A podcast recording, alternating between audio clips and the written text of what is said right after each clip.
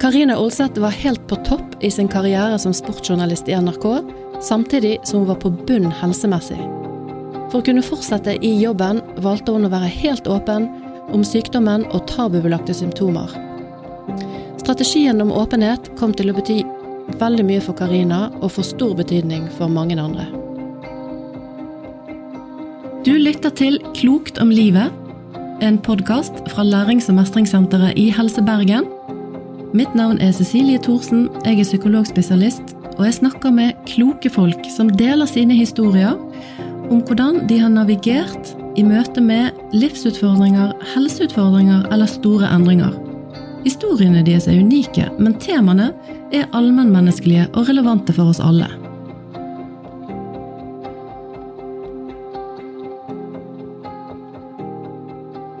Karine Oseth, Mm. jeg har eh, gledet meg også eh, stort til å snakke med deg. Og høre dine veldig kloke refleksjoner om hvordan du har navigert i den situasjonen som du har vært i, og det som du har stått i over lang tid, egentlig, og for ganske langt tilbake. Mm. Så tusen takk for at du har lyst til å være med og snakke med meg, rett og slett. Takk for at jeg får lov. Mange vet hvem du er. Det er ikke sikkert alle som har lest historien din om, om eh, Eller det, det er den sykdomsmessige tingene som Mm. du har balt med, da. Så vi må begynne litt der. Ja. Hvor gammel var du når du begynte å bli syk? Da var jeg eh, eh, Det var akkurat i skjæringspunktet rundt 30. eh, Hvor jeg hadde hatt en veldig problemfri tilværelse fram til da. Jeg har ikke én sykdomsfraværsdag fra jobb. Alltid vært aktiv og trent og vært mye på fest og levd livets glade dager og aldri liksom hatt begrensninger på noe som, som helst. Stor arbeidskapasitet, masse humør og pågangsmot. Og så eh, jobba jeg i, i barne-TV på den tida i Tromsø. Jeg hadde en litt sånn, liten pause fra, fra sportsjobbinga i, i NRK Sporten. Så jeg hadde litt hjemlengsel, så jeg lurte på om jeg skulle hjem. Så da dro jeg nordover til Tromsø, og så jobba jeg i barne-TV. Og da hadde vi innspillinger i, i fjæra, altså for utendørs alt Ja, sammen. jeg husker de Ja.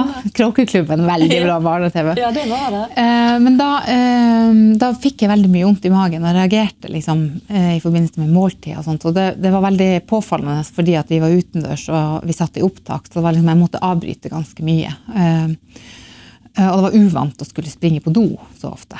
Det var liksom eh, magekrampe smerter som, som liksom var det første jeg oppdaga. Kom det snikende på en måte? Eller var det Nei, sånn det, jeg tror det kom ganske plutselig. Altså, for for, det, for i, i min hukommelse så er det at jeg går fra et helt problemfritt, friskt liv til eh, at oi, nå har jeg mye magetrøbbel. Så jeg eh, dro til fastlegen min, og så fikk jeg en sånn koloskopiundersøkelse som jeg ble sendt til. Um, og da eh, så jo han med en gang Han bare 'ja, du har ulcerøs kolitt, og her har du et skriv om det'. Eh, og, så, og så skriver jeg resept på eh, tabletter som du må ta eh, tre av hver dag. Det var Eh, så- korte greie. ja, og så var det sånn her resten av livet. Ja, i all overskuelig framtid, liksom. Og jeg hadde aldri hørt om ulcerøs kolitt. Aldri reflektert eller Altså ingen i nær, om, nær omkrets som jeg visste om som hadde en sånn sykdom. Og så fikk jeg det skrive, og så så jeg på det, og så var det bare sånn, ja ja. Hvis, hvis det betyr at jeg skal ta de tre tablettene resten av livet, så er det her noe helt greit. Så Sånn tullesykdom som Ja, da, bare du, da kan okay. du leve med det, på en Ja, måte. Ja, det går helt fint. Så jeg begynte å ta de tablettene, og så eh, jeg- ble vel kanskje jeg, ble, jeg, jeg tror ikke jeg ble bedre, men det var bare et eller annet med at da, okay, da vet jeg hva, hva det er for noe, at det ikke er farlig. Og jeg, faren min har en, en historie med tykktarmskreft, så jeg, jeg frykta jo det. Så jeg var egentlig bare mest letta for at jeg har ikke det. Ja. Jeg, jeg har en sånn tullesykdom som jeg trenger bare kurere med Ja, tre dette dør du tabletter. ikke av, på en måte. Ja. Og så er det jo av og til det bare å få en forklaring og få en diagnose. Sant? At det, det kan lette veldig Ja. egentlig for mange. Og så bare det at jeg visste at jeg hadde tatt et grep for å finne ut av det. Og så var det en høst, eh, det var vel 2013, eh, hvor jeg bare uh, oppdaga at eh, jeg har begynner å få liksom dårlig avføring. Mm. og, og merker at det blir dårligere. Eh, Du kjenner negative endringer. ja, jeg, jeg kjenner at noe skjer. Og så, og så blir jeg i dårlig form. Slapp og, og lite, lite energi. Mm. Um, men jeg holdt det ganske lenge før jeg, før jeg eh, gjorde noe med det. Da bodde jeg jo i, i Oslo. så, så ble jeg bare sånn, sånn uutholdelig dårlig. Ja. Uh, jeg hadde vært på jobb i, og gjort en fotballkamp i Skien. Eh, og satt i bilen og klarte, jeg klar, på vei hjem og klarte ikke å holde meg oppe. Altså, jeg hadde prøvd å spise et eple, og det bare, alt kom ut. Jeg var kvalm, og jeg, jeg holdt ikke på mat. Så jeg hadde antagelig ikke spist, i praksis ikke spist på en uke eller noe sånt. Og da dro jeg til legen, og da ble jeg innlagt uh, på Lovisenberg første gang. Jeg var dårlig i et år, uh, mer eller mindre, men prøvde liksom å leve livet mitt normalt. Uh, og tok ikke inn over meg at jeg hadde en kronisk sykdom i det hele tatt. Men Jeg ville liksom ikke at den skulle definere hva jeg skulle gjøre, den sykdommen eh, Nei. og de, den, de forholdene. Men jeg, jeg var nok veldig dårlig i den perioden. Hvordan hadde du det når du var på det verste? Kan du Det verste var høsten sånn forstår 2014. Det? Ja, det, det Ja. kom jo i 2014. eh, for da Mm. eh, Jeg har jo skjønt i ettertid at jeg hadde noe med saken å gjøre. Men eh, eh, min barndomsvenninne er jo fra en bitte liten bygd, og min barndomsvenninne eh, som jeg, jeg vokste opp med, som var veldig nær, hun døde av kreft eh, i, i september det året. Ja. Og jeg tror det var på en måte det at jeg mentalt fikk en sånn eh, veldig Altså jeg ble kjempelei meg. Eh, en sånn, sånn rystende. Og så det gikk bare måneder fra hun fikk vite at hun var syk til hun døde. En, eh, Jeg tror det var det som var altså, utslagsgivende for at kroppen bare knakk sammen. mm, Eh, og da ble jeg lagt inn igjen. Eh, og i løpet av høsten 2014 så hadde, var jeg innlagt på sykehus fire ganger. Eh, og da eh, Jeg klarte ikke å spise noe særlig. mm. Eh, jeg klarte ikke å stå oppreist og pusse tennene, f.eks. Jeg måtte sitte og pusse tennene. Fordi du hadde du så lite energi? Ja, jeg var, var var helt du, tom. Du var helt tom, ja. Ja. Mm. Ekstremt mye magesmerter. Mm. eh, og mye på do. Eh, og da, når det er mye på do, så er det, liksom, det er mellom 30 og 40 ganger om dagen. Uh, og, og det, uh, det var mye blod mm. og mye Altså ikke avføring, men det, det kom ting ut av, av tykktarmen Ja. som ikke var avføring, men som Ja. var liksom blod og slim. Og, Og når du sier 30-40 ganger på dagen, da tenker jeg at da gjør du jo nesten ikke noe annet. Altså, da kan du, ikke- du kan jo ikke gå noen steder, gjøre noe, Nei. reise noe sted. Nei, så jeg, jeg altså det, jeg prøvde jo. Eh, Ja. Fordi jeg hadde fått to eh, ganske sånn høythengende programlederjobber den høsten. Hva jobber var det? Eh, Det var, den første var en, en sånn fire timers eh, direktesending, sånn storsatsing på NRK. For det var 70 år siden evakueringa av Nord-Troms og Finnmark, krigen. Og det er for meg en pers veldig personlig viktig, fordi eh, mine besteforeldre var blant dem som ble eh, prega av det. Og, og bestefaren min var på Grini, og det var liksom Ja. Så det betydde noe for deg? Det var noe Eh, veldig du hadde viktig. veldig lyst til å få til? Ja, på en måte? den, den, det var Ja. kjempeviktig for meg. Var, etter den sendinga så var jeg jo helt tom. Du, du tok deg helt ut? Ja, og da var det rett inn på, på UNN. Eller jeg dro på legevakta. Faren min skjønte at det her, her er det ikke, det er ikke bra. Mm. Eh, Så da lå jeg der litt eh, og fikk i meg næring igjen. Og, og, kom, og når jeg kom da ned til Oslo igjen, jeg fløy jo ned til Oslo, så, um, så ble jeg sendt til Lovisenberg, til han som var legen min der. Og, og så kom den, nye, den andre jobben som jeg hadde kjempelyst til å gjøre. Og det, det var to uker etterpå. Det var i Bodø, og det var åpning av et sånn helt nytt uh, kulturhus.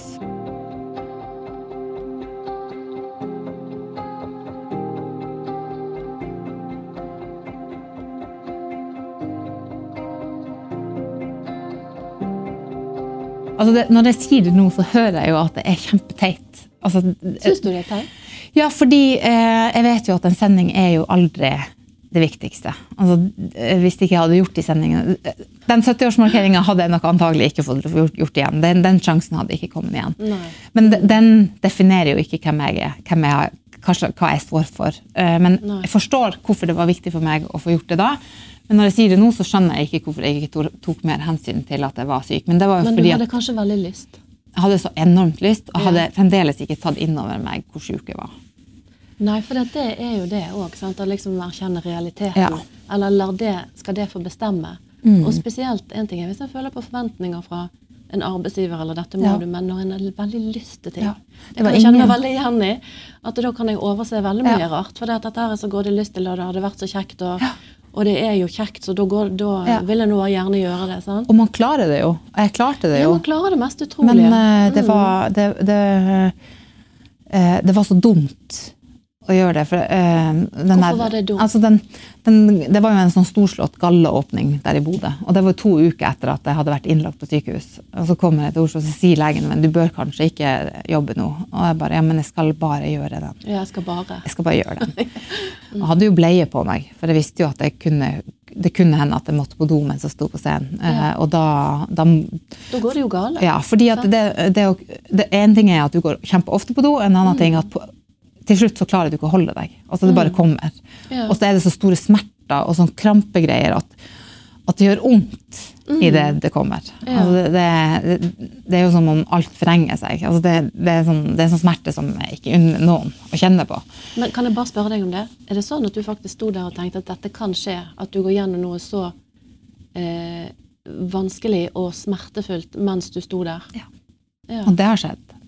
Det som skjedde da, den høsten, altså etter den, den sendinga i Bodø, så skjønte jeg jo at ok, det her, nå er jeg sjuk. Og da ble jeg sykemeldt. Og da var det sånn, du er sykemeldt på ubestemt tid, og du, du er nødt til å ta det med ro. Og da ble jeg eh, også en del av en sånn eh, eh, mestringsgruppe, vil jeg kalle det for, på Lovisenberg sykehus, hvor, hvor flere i samme situasjon da var samla til sånn det, var, eller, det var fire dager med noen timer hver dag med forskjellige typer eh, ekspertise som vi fikk snakke om. Altså type psykolog, eh, næring, ernæringseksperter, Ja. eh, spesialleger. Så da fikk jeg veldig mye input, og så var det, det som liksom var vendepunktet for meg, var jo at det var en likemannsperson der. En Ja. person som hadde hatt sykdommen og levd med den i, i mange år, som Ja. fortalte hvordan hun ble syk, eh, hvordan hennes vei tilbake til livet da var. Å ta kontroll over, over sykdommen og livet sitt. Så det ble eh, Så hun fikk det som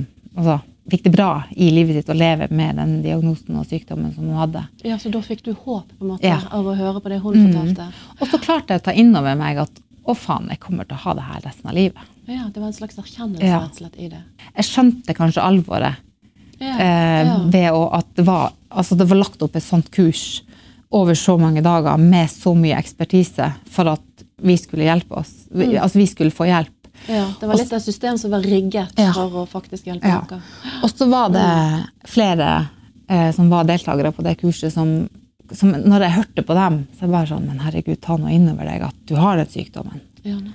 Og så bare eh, Se på det sjøl først. Ja. Det var sånn, sånn egentlig, altså Jeg skal ikke si at det var en oppvåkning eller vekkelse. Men det var liksom, om de? Ja, At jeg de tenkte om de måtte andre liksom folkene. skjønne at de var syke? Nå må du forstå det, og ta det Ja. innover deg. Du er syk, du kan ikke holde på sånn. Ja, nettopp.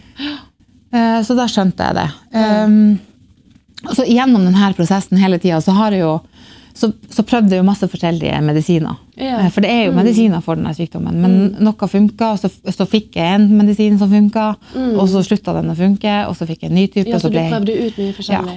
Ja, var hele tiden, det var hele tiden en, en reise eh, Ja. for å finne ut hva som skulle hjelpe meg. Ja, og mye eksperimentering og utprøving, rett og slett. Ja.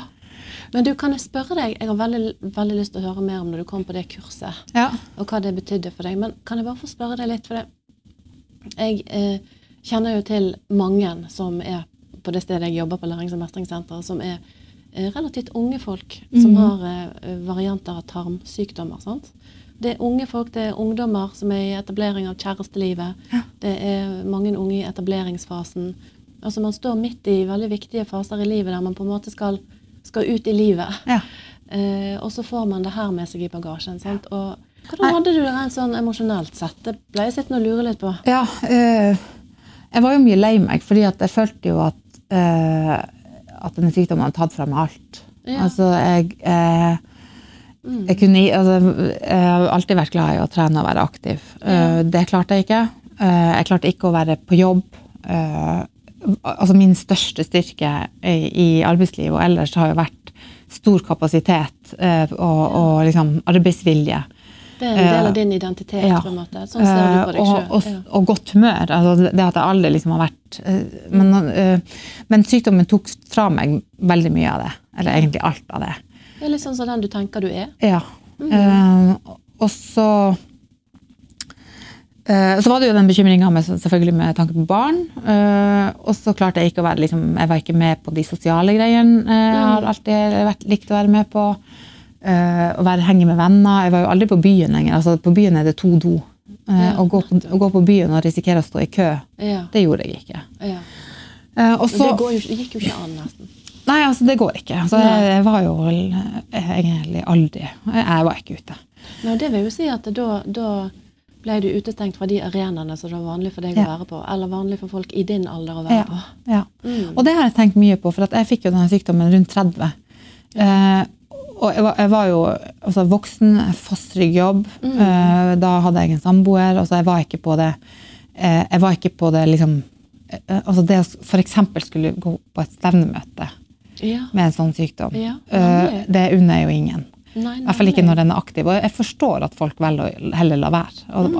at, nei, vet du hva, da er jeg hjemme. Jeg, jeg, jeg trenger ikke å møte noen. Mm.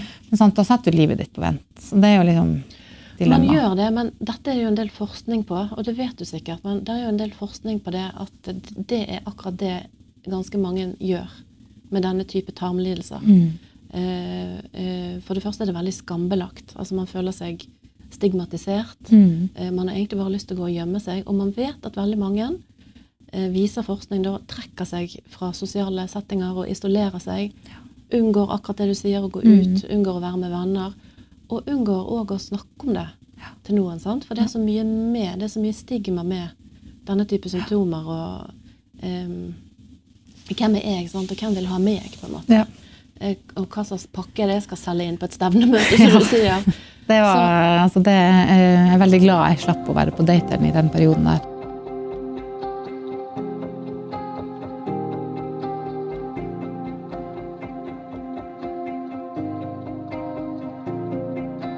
Jeg, jeg bestemte meg jo eh, ganske tidlig for at jeg skulle Eller etter at jeg har vært på det me- mestringskurset, så bestemte jeg meg jo for at ok, jeg, jeg, må, jeg, må, jeg er nødt til å bestemme hvem jeg skal være, og jeg nå nødt til å bestemme hva som skal definere meg som person. Mm. Og da var det viktig å fortsette å jobbe. Eh, og da eh, måtte jeg finne en, en løsning på det som gjorde at jeg kunne jobbe med den sykdommen. Og da var åpenhet det eneste, det eneste alternativet.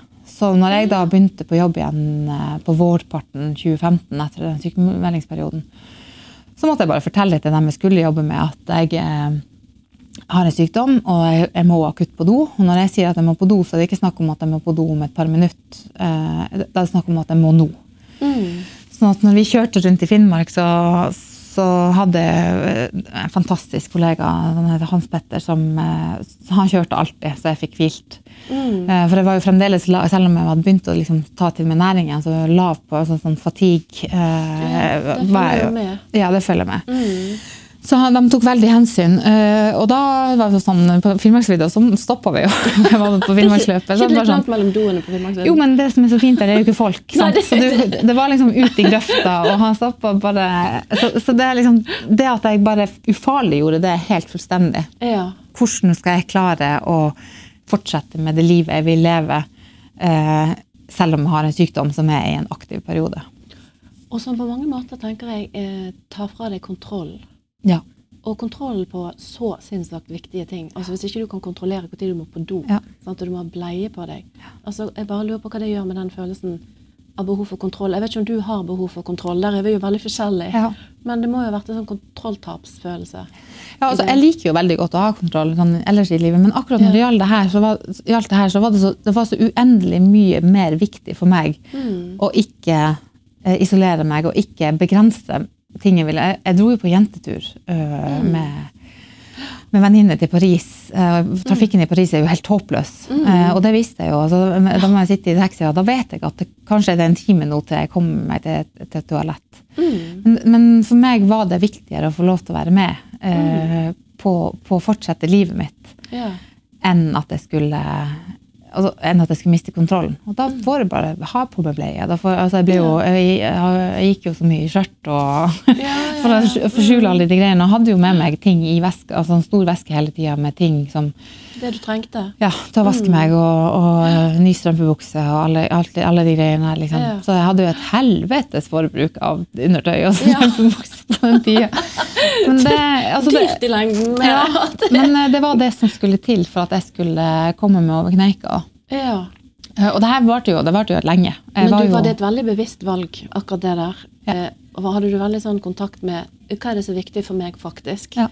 Det hørtes sånn ut med meg. Jo, det er viktig for meg å være sosial, det er viktig for meg å ha et liv. Det er viktig for meg å kunne være i jobb, det er viktig for meg å være med venner. Var det veldig, ting du tenkte veldig gjennom, eller bare For det som var verst med sykdommen, var jo følelsen av at de tar fra meg meg. Tar fra meg personligheten min, hvem jeg skal være.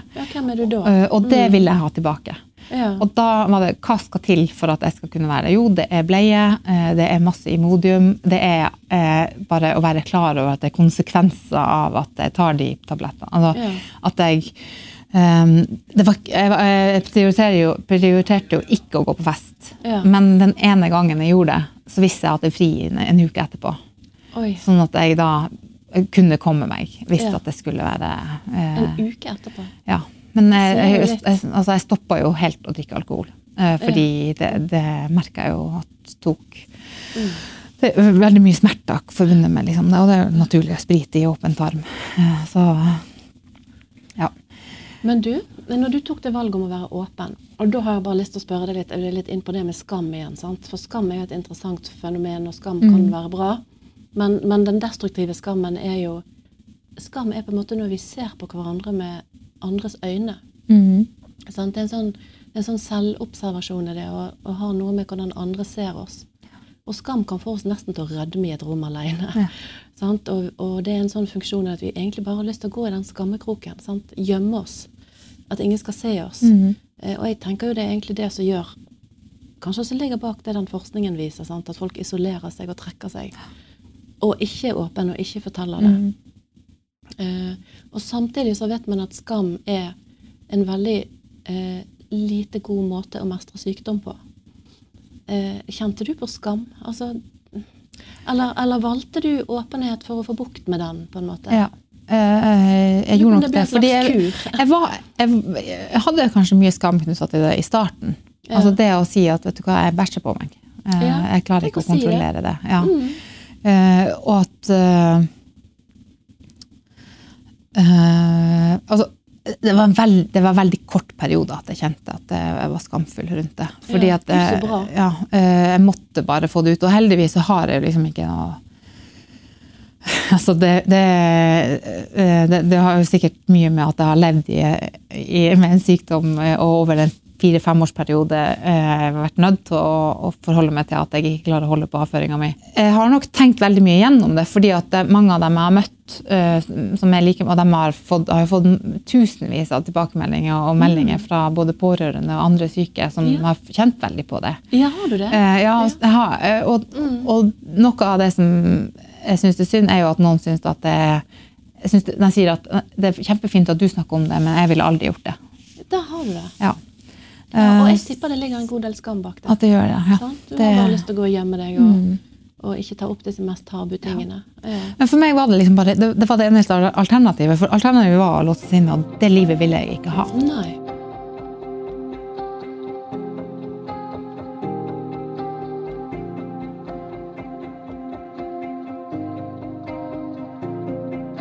Denne podkasten handler jo annet om å navigere klokt i krevende terreng.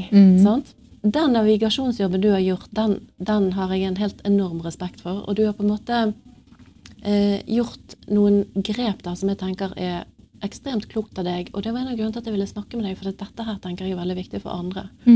Måten du har håndtert og valgt åpenhet, da sprikker det der skamtrollet i solen, sant? Eh, og at du, suksessfulle Karina Olseth, eh, står frem og forteller om det her, er jo med på å bryte tabu og stigma. For dette har jo vært en veldig tabubelagt sykdom. Absolutt. Eller symptomene med den. Ikke ordet ulcerøs kolitt, men symptomene med den har jo vært Ja. veldig tabubelagt. Og der Det er tenker du har gjort en enormt viktig jobb. Takk. Ja, Hyggelig at du sier det. ja. Du har sikkert hørt det, men, men jeg tenker det er noe av betydningen med det du har gjort. Da. Ja. Og det, og det er jeg veldig glad for. At det liksom, Ja. fordi um, Først må jeg bare si at jeg forstår veldig godt at folk ikke vil være åpne Mm. Som meg. Uh, Ja. så, så jeg forventer ikke at andre med denne sykdommen skal velge å gjøre det samme som meg. Mm. Uh, men jeg håper at man tør å gjøre de tingene som gjør at man, uh, man kan være seg sjøl. Og at man Ja. får det livet man egentlig vil ha, selv om man har en sykdom. For det mener jeg er mulig. Og om åpenhet er veien dit, det, det trenger ikke å være løsninga for alle. Men, men i hvert fall at man tør å gjøre de grepene, som å gå på sånn mestringskurs, f.eks. Ja, Eh, tør tør å snakke med andre som har det, og tør å si det at det her er det største problemet for meg. For det, altså, det er alt fra eh, det å tørre å være sosial, det å klare å utføre en jobb, eller med, altså bare det å snakke med arbeidsgiveren Ja. sin og si at jeg, jeg må ha tilrettelagt at jeg kanskje, kanskje, kanskje jeg må ha den kontorplassen som er nærmest doen. Ja. Eller kanskje jeg må jobbe hjemme i Du er jo ikke en dårligere journalist selv om du må på do innimellom. Eh, Overhodet ikke. Eh, Men det er bare det å tørre å, å ta den samtalen med en leder, og stole på at lederen din er eh, forståelsesfull nok til å Ja. Og da, da håper jeg kanskje at min åpenhet har, har gjort Har at kanskje flere ledere vet om den sykdommen og tar det på alvor.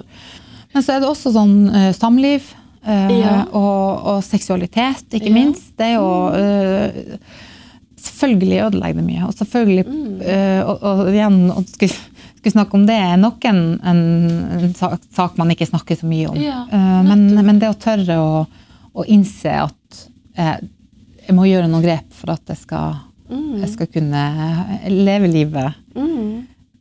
på det beste for ja, meg. og spesielt når det rammer så mange unge. Som Mm. akkurat er i fasen der man har kjæreste, eller Ja. gjerne vil få kjæreste. Ja. Um, og det er jo noe av det viktigste i livet. Altså Hvis vi begynner å tenke at jeg kan ikke gå inn i en relasjon til noen fordi dette ødelegger for meg, Ja. um, det er jo tap av livskvalitet. Ja. Virkelig. Sant? At man velger å velger det vekk fordi Ja. man tenker at dette her blir så flaut, eller dette kommer til å ødelegge, eller jeg kan ikke ha et seksualliv, eller jeg kan ikke få barn, eller Mm. Nesten litt sånn Jeg er ikke verdt å elske. Skjønner du? Det er jo egentlig det det treffer i oss. Noe av det såreste som fins. Ting henger jo sammen. ja, det gjør det. Kropp og sjel Ja. og syke. Altså, vi, Mm. det jo, vi må jo tenke helhetlig. Ja. Og det tenkte jeg også Psykisk var litt belastning spiller inn for fysiske Ja. sykdommer. Ja. Jeg vet jo det nå, men jeg, jeg tror kanskje at jeg, i starten av da jeg ble syk, så tenkte jeg ikke det.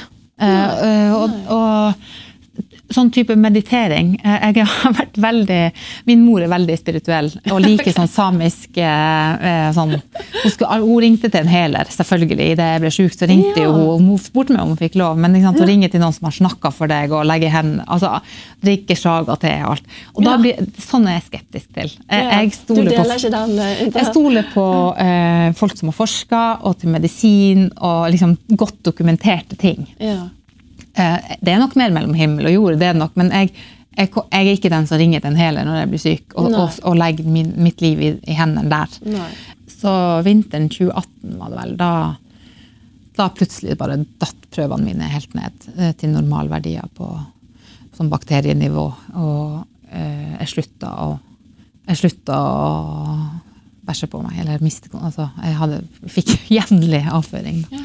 Men Som hvorfor skjedde det? Har du, har du fått noen forklaring? Eller vet, Nei, altså, det, var, det er jo en kombinasjon da, av at jeg eh, hadde det bra. Ja, nettopp. Eh, på det her tidspunktet, Jeg var jo alene da, eh, Mm. men eh, eh, jeg, jeg var på et sted i livet som var liksom hadde, eh, Det var bra. Og jeg, jeg hadde de, den, den kombinasjonsmedisineringa som jeg hadde fått, som jeg, jeg har skjønt egentlig ikke er etter regelboka for norsk helsevesen, men eh, takk for at jeg fikk det. For Det at jeg hadde, det hadde prøvd, og jeg, og jeg ble jo frisk. Og det har jo samfunnet i bakkant tjent ganske mange penger på, så er det ikke det sånn at jeg har dårlig samvittighet for det. Nei. Men det var en hestekur jeg fikk i et års tid eller noe sånt. Uh, og så uh, Ja, nei, jeg, tror- jeg tror det var rett og slett det at jeg fikk den, uh, den medisineringa og var på det stedet i livet at jeg hadde det veldig bra. Ja, nettopp. Det spiller inn. Og så møtte jeg mannen min øh, øh, den våren.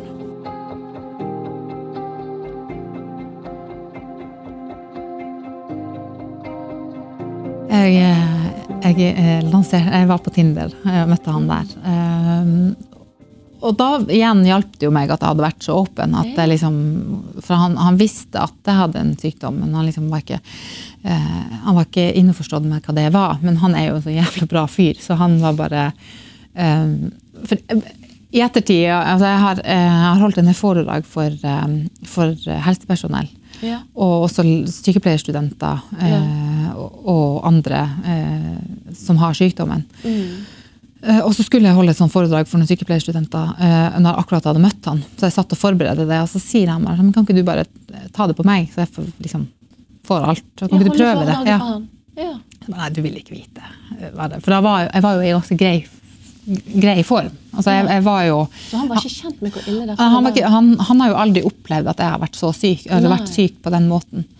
Um, men han liksom, hvordan er det når du er dårlig? da? Så jeg bare, det, det er jo ille. og Jeg vil jo helst ikke at du skal Jeg håper jo at vi aldri får oppleve det. At Ja. vi får se eller oppleve hvordan det er.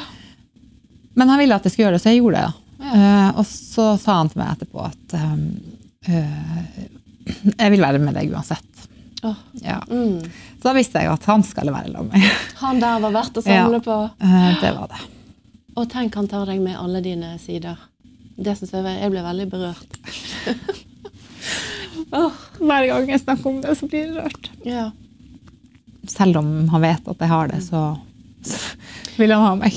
Men du, er ikke dette kjærlighet? Ja. Jeg holder litt samlivskurs og sånn. Og da er jo det forskjell på forelskelse og kjærlighet. Sant? Når man er forelsket, da er det på en måte det der. Det vi gjør da, det er det perfekte bildet, og vi er så like, og du er perfekt og sånn. Mens kjærligheten, det er jo når en velger hverandre med alle sider.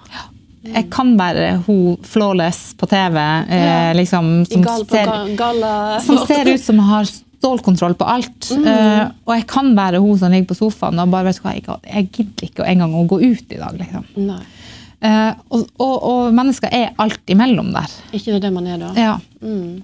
Men jeg tror at, at det er veldig fint at vi får en større, et stø, en større aksept i samfunnet for at vi også vise at det er dårlige dager. At det er Ja, liksom det er eh, kjempeviktig.